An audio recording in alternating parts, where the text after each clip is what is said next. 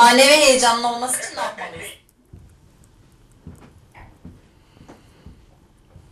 Benim canımın içi de bayağı güzel. Her yeri, her şeyi çok güzel. Yüzü çok hoş, güzel kız. Dişlerine varıncaya kadar güzel maşallah.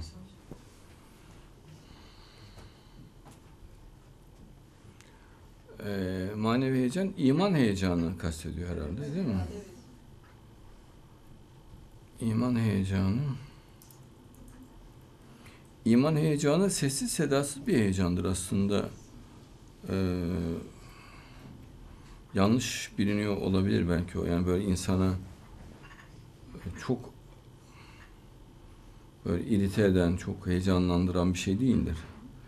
Sakin ve aklı başında fakat sürekli uyanık, ee, hikmetli hareket eden, en kestirmeden netice alan, e, küfre karşı sürekli atak yapan, iyileri koruyup kollayan, e, Allah'ın menfaatlerini çok iyi koruyup kollayan bir akıl atağıdır. E, ama bu olgun ve aklı başında tavır içinde kendini gösterir. Yani böyle bazı insanlar olur mesela farz edelim Mehdi'yi bulduğunu düşünüyor. Hakikaten el ayağı boşalıyor. Çok heyecanlı. Ee, mesela gelip ağlıyor. Coşkular oluyor böyle. İstirak halleri, kendinden geçmeler falan. Cezbeler. O çok geçici olur. Bazen 15-20 dakika, bazen yarım saat falan sürer. Sonra akşamına biter. Öyle bir İslam din anlayışı olmaz. İstikrarlı, kararlı, kesintisiz, ölünceye kadar devam eden bir mücadele şeklidir bu. Hiç taviz vermeden. O tarz olur. Ee, bir derinlik içinde, samimiyet içerisinde, Allah'a derin aşkın e, sakin sessizliği olur. Aşıkta zaten şamata olmaz. Yani seven, tutkuyla bir kadına bakan bir insan e, müthiş bir derinlik içindedir. Sakin, derin, e, çok ihtişamlı bir duygu akışı içerisinde olur. E, o da Allah'tan kaynaklanır. Dolayısıyla benim canım tabii ki onu kastetmiyor. Bu öğrenmek istediği benim anlattığım ama yanlış anlaşılan bir yön de var. Onu belirtmek için onu anlattım. Ben güzel yüzümü bir daha göreyim. Manevi heyecanlı olması için ne yapmalıyız?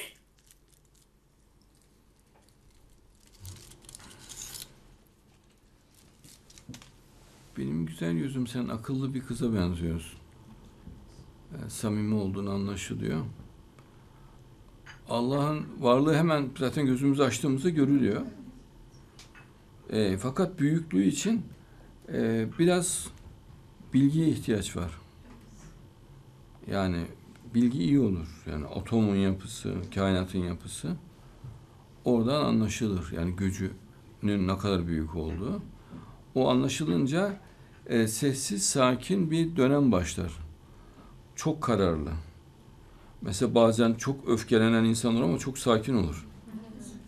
İman da öyledir. E, onu fark eden bir insan e, çok sakin olur ama amansız bir kararlılığa dönüşür. Yani filmlerde falan oluyor. Amansız bir öfke oluyor ama akıl almaz sakin oluyor.